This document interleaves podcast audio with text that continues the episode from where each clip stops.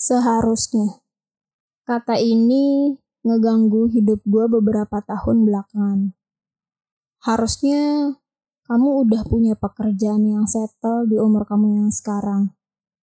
Lo tuh harusnya kuat, harusnya bisa bertahan di kondisi ini.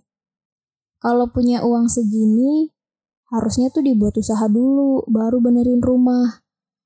Hal-hal yang kayak seharusnya lo tuh begini, jangan begitu. Like, who are you? Lo bukan siapa-siapa di hidup gue. Mungkin maksud dari orang tersebut itu mau ngasih saran atau nasihat. Tapi coba deh, posisiin diri dulu. Tahu diri dulu. Posisi lo di kehidupan gue ini siapa?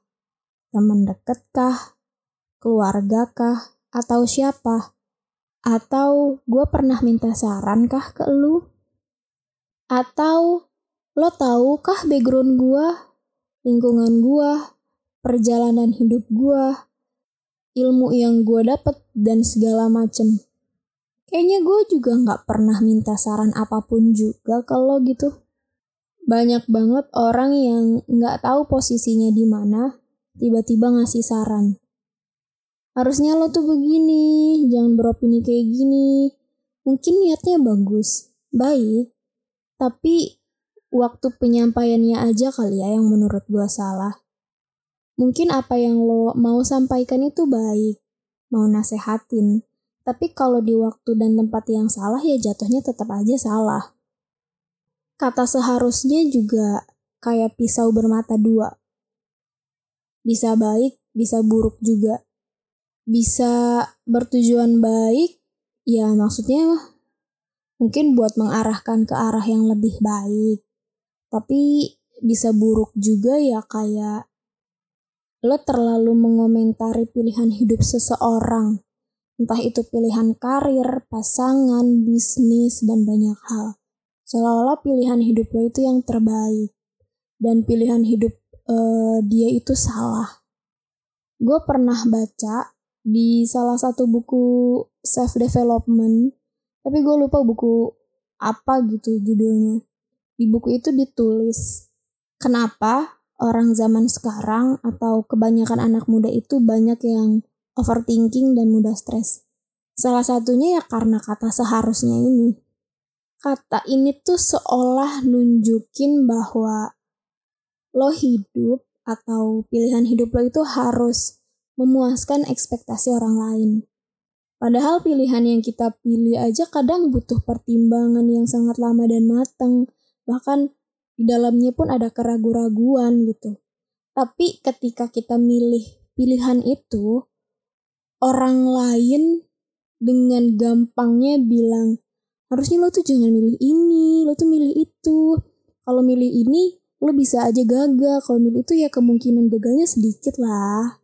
Atau kalau misalnya lo milih di pilihan ini kalaupun lo gagal gue bisa bantu. Gue tuh suka sering banget denger kata-kata ini tuh kayak apa sih? Ini orang gitu. Jangan salah paham dulu. Mungkin kedengarannya gue ini anti nerima pendapat atau saran dari orang lain. Bukan itu maksudnya tapi terkadang masukan atau pendapat yang diterima itu 90% adalah sindiran, bukan bener-bener masukan kita juga kan tetap harus bisa milih-milih ya saran dari orang lain. Nggak semuanya kita telan gitu dan kalaupun memang saran orang tersebut baik tapi memang keadaannya kita tidak memungkinkan atau kita nggak yakin dengan saran tersebut ya nggak usah diambil kan baiknya gitu daripada gua memilih sebuah jalan yang memang menurut orang lain itu bagus tapi gue tidak merasa itu cocok di gue dan gue menjalankannya. Dan ketika sewaktu-waktu gue ada hambatan dan halangan di pilihan uh, eh, gue yang ini gue bisa aja menyalahkan orang lain kayak kenapa dulu gue dengerin dia? Kenapa gue nggak dengerin apa kata hati gue karena setiap pilihan itu kan pasti punya problem punya struggle-nya masing-masing. Kalaupun memang seandainya pilihan yang gue pilih atas hati dan uh, kesadaran diri gue yang penuh ketika gue gagal ya gue tidak pernah menyesali dan menyalahkan orang lain. Tapi kalau misalnya gue gagal uh, di pilihan yang menurut orang lain itu lebih baik gue akan menyalahkan orang tersebut gitu. Itu jauh lebih menyakitkan menurut gue kadang juga suka mikir bisa nggak sih gue hidup dengan apa yang gue yakinin tanpa dikomentarin sama orang lain gitu selama apa yang gue yakinin itu tidak merugikan orang lain, tidak menyalahi norma agama, negara, gue tidak jahat dengan orang lain.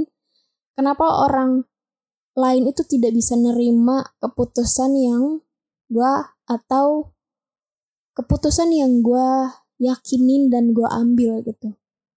Kenapa? Why?